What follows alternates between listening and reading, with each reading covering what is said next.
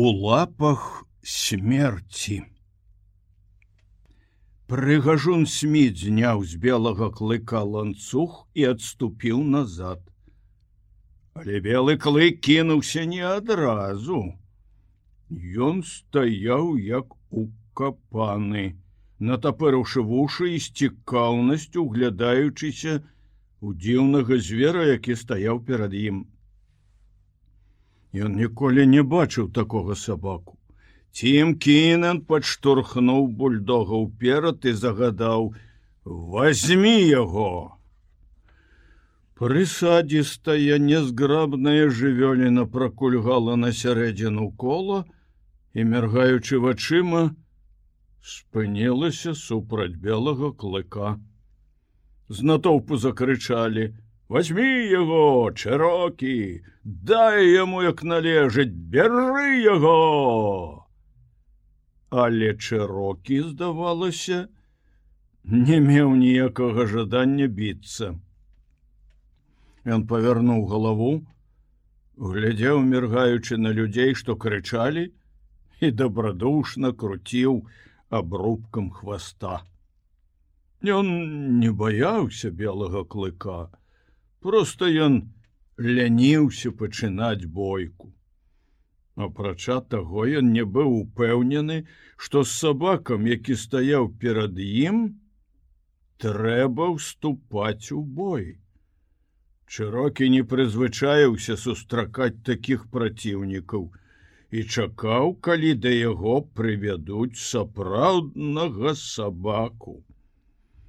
Цім кінан увайшоў у круг і нахіліўся над чырокім, пагладзіў яго, супраць поўсці і злёгку падштурхнуў уперад. Гэтыя рухі пад бухторвалі і раздражнялі чырокі. Пачулася прыглушанае бурчанне, якое ішло аднекуль з глыбіні горла. Рухі чалавечых рук цалкам супадалі з бурчаннем сабакі, калі руки падштурхоўвалі чырокі ўперад, Ён пачынаў бурчаць, потым змаўкаў, але на наступнае дакрананне зноў адказваў бурчаннем. Кожны рух рук, што гладзілі чырокі, закончваўся лёгкім штуршком, які нараджаў яго горле прыглушанае бурчанне.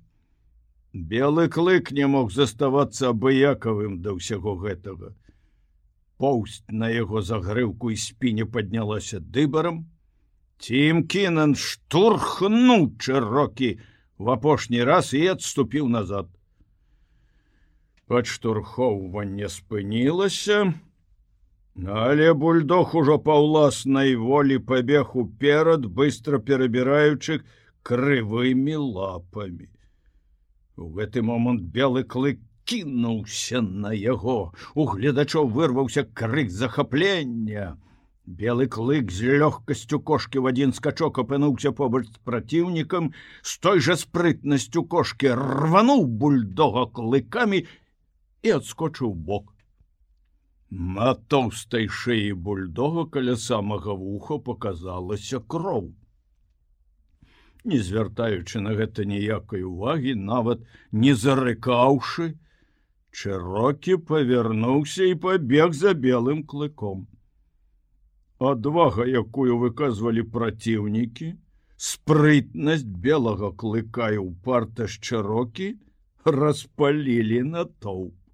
Гледачы заключалі новыя заклады, павялічвалі стаўкі, белы клык наскокваў на бульдога яшчэ і яшчэ раз і рваў яго зубамі, адскокваў бок непашкоджаным. Праціўнік і далей бегаў спакойна за ім, не спяшаючыся, але і не запавальняючы хады, з рашучым і вельмі дзелавітым выглядам. У паводзінах чырокі адчувалася нейкая пэўная мэта, ад якой яго нельга было адцягнуць ніякімі намаганнямі. Все яго рухі былі прасякнуты гэтай мэтай белага клыка гэта збівала з панталыку. Ніколі ў жыцці не сустракаў ён такога сабаку. Поўсць на ім была зусім кароткая, кроў паказвалася на яго мяккім целе ад самай малой драпіны. Здзіўляла таксама адсутнасць пакрыцця на ім з пушыстай футры. Ну, якая так часта перашкаджала белому клыку ў бойках з сабакамі блізка яму пароды. Зубы яго ўядаліся ў падатлівае цела бульдога, які, здавалася, зусім не ўмеў абараняцца.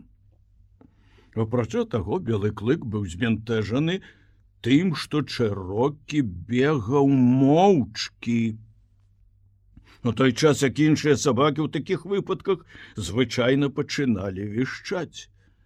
Калі не лічыць глухога бурчання, бульдог сустракаў напад моўчкі, ні на хвіліну не спыняў пагоні за праціўнікам. Нельга сказаць, каб чырокі быў неспрытным. Ён круціўся і кідаўся з боку ў бок вельмі хутка, але белы клык усё ж выслізваў ад яго. Чырокі таксама быў збіты з панталыку. Яму яшчэ ні разу не даводзілася сустракаць сабаку, які не падпускаў бы яго да сябе. Жаданне сашчапіцца адзін з другім да гэтага часу заўсёды было ўзаемным.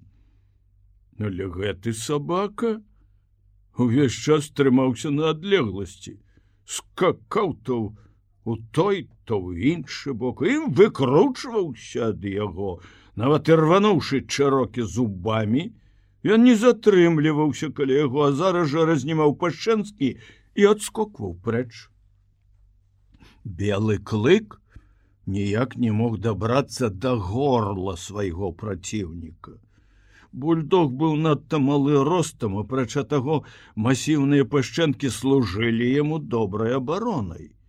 Белы клык кідаўся адскокваў боку, хітраючыся не атрымаць ніводнай драпіны, між тым як колькасць ран на целе чырокі ўсё расла і расла, Галава і шыя яго былі распаласаваны з абодвух бакоў. З ран лілася кроў, але чэрокі не выказваў ніякіх адзнак трывогі. Ён добра сумленна ганяўся за белым клыком і спыніўся ўсяго толькі на хвіліну, каб недаўменна паглядзець на людзей і памахаць абрубкам хваста ў знак сваёй, готовнасці продолжать бойку. У гэты момант белы клык наляцеў на бульдога і паласнуўшы яго зубамі за вухо, якое без таго было разарвана на шматкі, адскочыў бок. Пачынаючы злаваць, Чарокі зноў пусціўся ў пагоню, бегаючы ўнутры кола, якое рабіў белы клык, імкнучыся ўшчаперыцца мёртвай хваткай яму ў горла. Бульдог крыху прамахнуўся, а белы клык выклікаў гучнае ўхваленне на тоўпу і выратаваў сябе толькі тым, што зрабіў нечаканы скачок у процілеглы бок. Час ішоў белы клык скакаў і круціўся каля чырокі увесь час наносячы яму удары і ж зараз жа адскокваў прэч а бульдог со змрочнай рашучасцю не спыняў сваё праследаванне рано ці позна ён даб'ецца мэты і схапіўшы белага клыка за горла вырашыць лёс бітвы пакуль жа яму не заставалася нічога іншага як цярпліва зносіць усе напады праціўніка кароткія вушы чарокі павіслі махрой и шые і плечы пакрыліся мноствам ран і нават губы ў яго былі распаласаваны і заліты крывёю. Все гэта нарабілі маланкападобныя удары белага клыка якіх нельга было ні прадбачыць не ўнікнуць. Шмат разоў белы клык спрабаваў збіць чырокі з ног але розніца ў росце была надзвычай вялікая Чэрокі быў вельмі прысадзісты. І на гэты раз шчасце здрадзіла белому клыку. Ён выгадаў хвіліну, калі праціўнік, які не паспяваў за ім павярнуў галаву ў процілеглы бок, пакінуўшы плячо неахаваным. Белы клык кінуўся на чарокі, але яго плячо прыйшлося значна вышэй пляча праціўніка. Ён не здолеў стрымацца і пераляцеў пра спіну бульдога. Упершыню За ўвесь час баявой кар'еры белага клыка людзі зрабіліся сведкамі таго, што ён не здолеў утрымацца на нагах. Стараючыся не страціць глебы под нагамі белы клык скруціўся ў паветра як кошка і толькі гэта перашкодзіла яму паваліцца прама на спіну. Ён грукнуўся на бок і ў наступны момант зноў стаяў на нагах, але зубы чырокі ўжо ўеліся яму горла. Хватка была не зусім удалая, яна прыйшлася надта нізка бліжэй да грудзей, але чарокі не разнімаў пашчэнак. Белы клык ускочыў на ногі пачаў кідацца з боку ў бок, спрабуючы скінуць бульдога, пачуўшы на сабе цяжар цела чырокі, Ён ашалеў ад лютасці. Чарокі звязваў яго рухі, пазбаўляў свабоды дзеянняў. Усімі сваімі інстынктамі белы клык паўставаў супраць гэтай пасткі. Яна прыводзіла яго ў шаленства. На некалькі хвілін ён літаральна страціў разважлівасць і ім авалодала жывёльная прагнасць жыцця цела рвалася да яго. Ён дзейнічаў несвядома, розум згас уступіўшы месцы сляпому імкненню да жыцця да руху, рухацца ў што б там не было рухацца, бо жыццё выяўляецца толькі ў руху. Не спыняючыся ні на адно імкненне белы клык кружыўся, скакаў, намагаючыся скінуць 50фунтавы груз, які павіс у яго на шыі бульдог не разнімаў пашчэнак. Калі яму ўдавалася на адзін момант крануцца нагамі зямлі, ён спрабаваў супраціўляцца белому клыку. Але ў наступную ж хвіліну чырокі адрываўся ад зямлі і апісваў круху паветры, скараючыся кожнаму руху ашалелага белага клыка. Чырокі рабіў так, як загадваў яму інстынкт. Ён ведаў, што разнімаць пашчэнкі нельга, і гэтае ўсведамленне правільнасці сваіх дзеянняў прымушала яго часамі дрыжэць ад асалоды. У такія хвіліны чарокі нават заплюшваў вочы, і нягледзячы на боль ад удараў, дазваляў белому клыку круціць сябе то ў той то ў другі бок. Всё гэта не ўлічвалася, важна было одно: не разнімаць зубоў, і чарокі не разнімаў іх. Белы клык пакінуў кідацца, толькі канчаткова выбіўшыся сіл. Ён ужо нічога не, ну не мог зрабіць нічога не мог зразумець ни разу за ўсю сваю кар'еру байца яму не даводзілася пераносіць нічога падобнага сабакі з якімі ён біўся раней біліся зусім інакш з імі трэба было дзейнічаць так учапіўся рвануў зубамі адскочыў чапіўся рвануў зубамі адскочыў Белы клык на палову ляжаў на зямлі цяжка дыхаючы, не разнімаючы зубоў чарокі, налягаў на яго ўсім целам, спрабуючы паваліць праціўніка на бок. Белы клык супраціўляўся і адчуваў, як пашчэнкі бульдога нібы жуючы яго скуру, перасоўваюцца ўсё вышэй і вышэй. Кожнай хвілінай, Яны набліжаліся да горла. Метад бульдога заключаўся ў тым, што не аслабляючы сваёй хваткі, Ён скарыстоўваў кожны выпадак і падбіраўся ўсё бліжэй і бліжэй да мэты. Яму ўдавалася рабіць гэта, калі белы клык ляжаў спакойна. Але калі той пачынаў ірвацца, чарокі здавальняўся тым, што сціскаў пашчэнкі і не паслабляў хваткі. Белы клык мог дастаць зубамі толькі масіўны загрывак чарокі. Ён учапіўся яму ў шыю каля пляча, але метад, якім карыстаўся чырокі, быў незнаёмы белому клыку, да і пашчэнкі яго не былі прыстасаваны да такой хваткі. На працягу некалькіх хвілін ён сутаргава кусаў, рваў шыю чырокі. Потым увага яго пераключылася на перамену, якая адбылася ў палажэнні іх цел. Чарокі перакуліў белага клыка на спіну і ўсё яшчэ не разнімаючы зубоў, ухітрыўся стаць над ім. Белы клык сагнуў заднія лапы, як кошка пачаў ірваць кіпцюрамі свайго ворага. Чарокі, рызыкаваў застацца з распоратым пузам і выратаваўся толькі тым, што змяніў палажэнне, скокнуўшы ў бок под прамым вуглом ад белага клыка. Вызваліцца ад яго хваткі было немагчыма.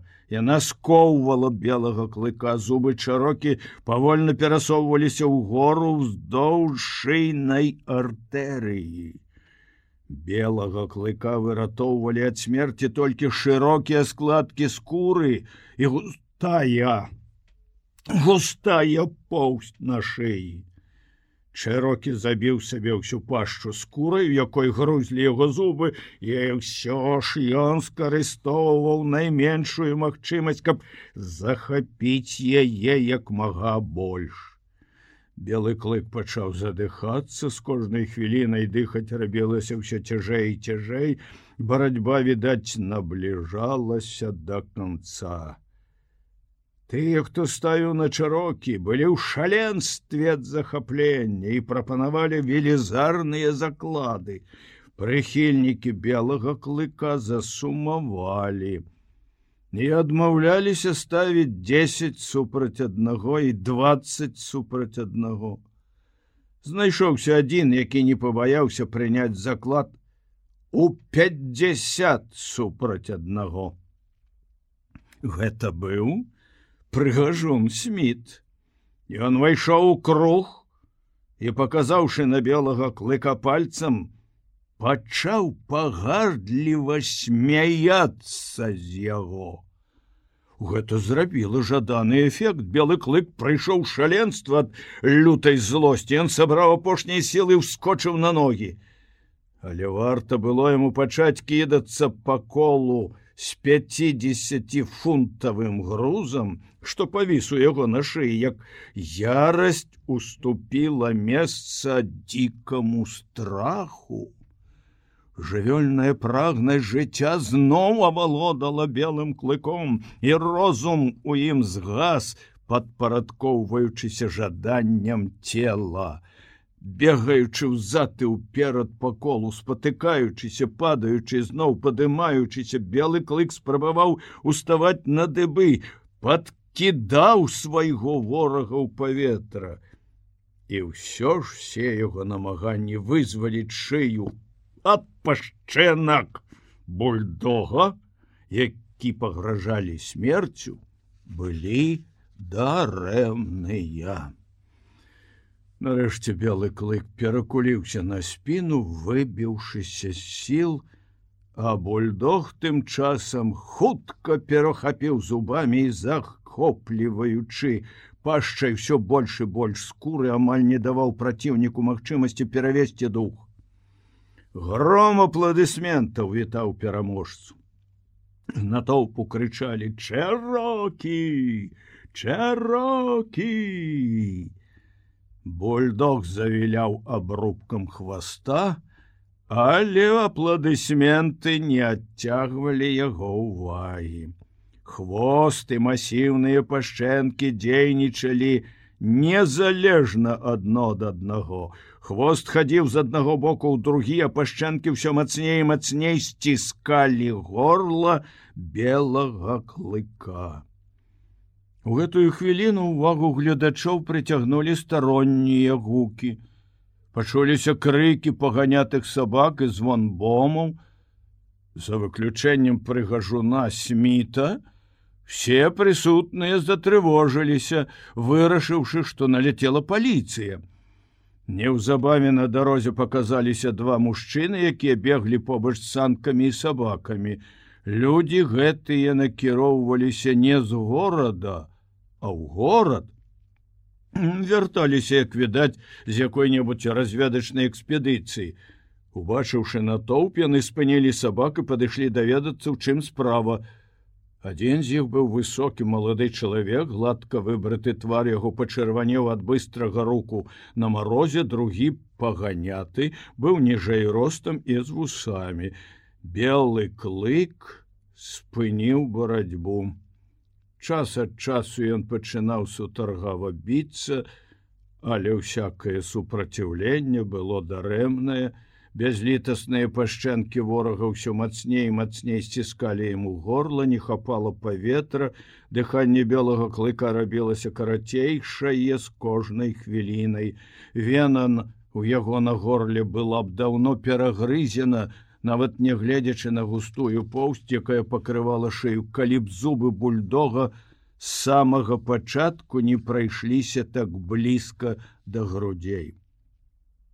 У чырокі пайшло шмат часу на тое, каб дабрацца да горла белага клыка, Пры гэтым ён забіў сабе ўсю пашчу тоўстымі складкамі скуры. Тым часам звер, што прачнуўся ў прыгажуну сміту, выцесніў ім апошнія рэшткі розуму. Убачыўшы, як вочы белага клыка ўжо зацягваюцца туманам, ён зразумеў, што бітва прайграна. Нібы сарваўшыся з ланцуга, Ён кінуўся да белага клыка і пачаў страшэнна біць яго нагамі. Сярод натоўпу пачуліся крыкі і свіст, але гэтым справай абмежавалася. Не звяртаючы ўвагі на пратэсты гледачоў, прыгажун сміт не спыняў біць белага клыка, Калі ў натоўпе раптам паднялася нейкая метусня, малады чалавек, які толькі што прыбыў, кінуўся ўперад і бесцырымонна раштурхаў усіх направа і налево, Ён увайшоў у кола якраз у тую хвіліну, калі прыгажун сміт падымаў нагу для наступнага ўдару, перанёсшы ўвесь цяжар на другую нагу, ён знаходзіўся ў стане неўстоўлівай раўнавагі. В гэты момант малады чалавек з надзвычайнай сілай удар ударыў яго кулаком у твар. Прыгажун сміт не ўтрымаўся на адной назе і падскочыўшы ў паветры, паваліўся да гары на снег. Малады чалавек павярнуўся да натоўпу палахліўцы, быдла! Ён не памятаў сябе ад гневу таго гневу, які апаноўвае толькі здаровага чалавека. Яго шэрыя вочы палалі сталёвым бляскам. Прыгажун сміт падняўся на ногі і баязліва падышоў да яго. Незнаёмы не зразумеў яго намераў, не падазраючы, што мае справу са страшным палахліўцам, ён вырашыў, што той хоча біцца, крыкнуўшы: быдла ён у другі раз паваліў яго да гары. Прыгажун сміт вырашыў, што ляжаць на спіне больш небяспечна і ўжо не рабіў ніякіх спроб падняцца на ногі. Мэт, дапамажыце мне! крыкнуў незнаёмы паганятаму, які разам з ім выйшаў у кола. Абодва яны нахіліліся над сабакамі. Мэт узяўся за белага клыка, каб адцягнуць яго ў бок, як толькі чырокі аслабіць мёртвую хватку. Молады чалавек спрабаваў разняць пашчанкі бульдога. Але ўсе яго намаганні былі дарэмныя, сціскаючы пашчэнкі бульдога з абодвух бакоў, стараючыся расчапіць іх рукамі, Ён не пераставаў час ад часу выкрыкваць у быдла. Натоўп захваляваўся. Некаторыя ўжо пачалі пратэставаць супраць такога няпрошанага ўмяшання. Але варта было незнаёмаму на секунду падняць галаву і паглядзець у бок у бок натоўпу, як пратэсты змаўкалі. Праклётае быдла ён зноў узяўся за работу. Няма чаго і старацца мейстер скот мы іх так ніколі не расцягнем сказаў мэт. Яны кінулі свой занятак і агледзелі са шчапіўшыхся сабак. Крыві шмат выйшла сказаў мэт. А ўсё ж не паспеў добрацца до горла хутка дабярэцца сказаў скот. Вось бачылі яшчэ вышэй перахапіў. Хваляванне маладого чалавека і страх за лёс белага клыка раслі з кожнай хвілінай Ён некалькі разоў ударыў чырокі по галаве. Але гэта не дапамагло. Чырокі завіляў абрубкам хваста ў знак таго што вельмі добра разумее сэнс гэтых удараў. Але ён усё ж выканае свой абавязак до конца і не разніме пашчэнак. Дапамажыце хто-небудзь крыкнуў скот звярнуўшыся да натоўпу але ні адзін чалавек не крануўся з месца. Замест гэтага гледачы пачалі смяяться з яго і засыпалі градам здзеклівых парад. Усуньце яму у что-небудзь у пашчу параю мэт. Ну скот схапіўся за кабуру что вісела ў яго на поясе дастаў рэвальвер і паспрабаваў прасунуць дула паміж сціснутымі пашчэнкамі бульдога Ён стараўся з усіх сіл было чуваць як сталь скрыпіць аб сашчэпленыя зубы бульдога стаўшы на калені скот і паганяты нахіліліся над сабакамі. Тім кінен ступіў у кола, спыніўшыся каля скота, ён карануў яго за плячо і сказаў: « Не зламайце яму зубоў. Тады я зламаю яму шыю. Скот усоўваў дула ў пашчу чарокі. Кажу вам, не зламайце яму зубоў, паўтарыў Тім кінен але ўсе спробы застрашыць скота не мелі поспеху. Не спыняючы арудаваць рэвальверам, ён падняў галаву і запытаў: ваш сабака. Тім кінан прамармытаў нешта. Тады расчапіце яму зубы. Вось што! Мая хата з краю, чаму я павінен ведаць, што тут трэба зрабіць, сказаў Тім. Тады правальвайце і не перашкаджайце мне, я заняты. Цім кінан не адыходзіў, але скот ужо не звяртаў на яго ніякай увагі. Ён ухітрыўся ўціснуць дуло паміж зубамі з аднаго боку і цяпер стараўся прасунуць яго далей. Дабіўшыся гэтага, скот пачаў асцярожна разнімаць пашчэнкі бульдога, А мэт тым часам вызваляў з яго пашчы знявечаную шыю белага клыка. Трымайце свайго сабаку! загадаў скот ціму. Гаспадар чарокі нахіліўся і схапіў бульдога. Трымойце! крыкнуў скот, разняўшы зубы чарокі. Сабак расцягнулі ў розныя бакі, бульдог страшэнна супраціўляўся, забярыце яго загадаў скот. І цім кінен адцягнуў чырокіў натоўп. Белы клык зрабіў некалькі дарэмных спроб устаць на ногі. Адзін раз яму гэта ўдалося, але аслабелыя ногі падагнуліся, ён паволена паваліўся на снег. Яго паўзакрытыя вочы памутнелі, ніжняя пашчэнка адвалілася, язык вываліўся, здавалася, сабака задыхнуўся. Мэт агледзеў яго. Ледзь жывы, але дыхае ўсё ж. Прыгажун Сміт падняўся на ногі, падышоў глянуць на белага клыка. Мэт, колькі каштуе добры ездавы сабака, запытаў скот. Не ўстаючы з калян паганяты падумаў з хвіліну. Трыста даляраў. Ну, а такі, на якім жывога месца не засталося. палову вырашыў паганяты. Скот павярнуўся да прыгажуна сміта. Чулі вы жывёліна. Я забіраю сабаку і плачу за яго полтораста даляраў. Ён дастаў бумажнік, адлічыў гэтую суму, прыгажун сміт заклаў руки за спину, адмаўляючыся ўзяць грошы, не прадаю. Прадаеце, заявіў скот таму что я купляю.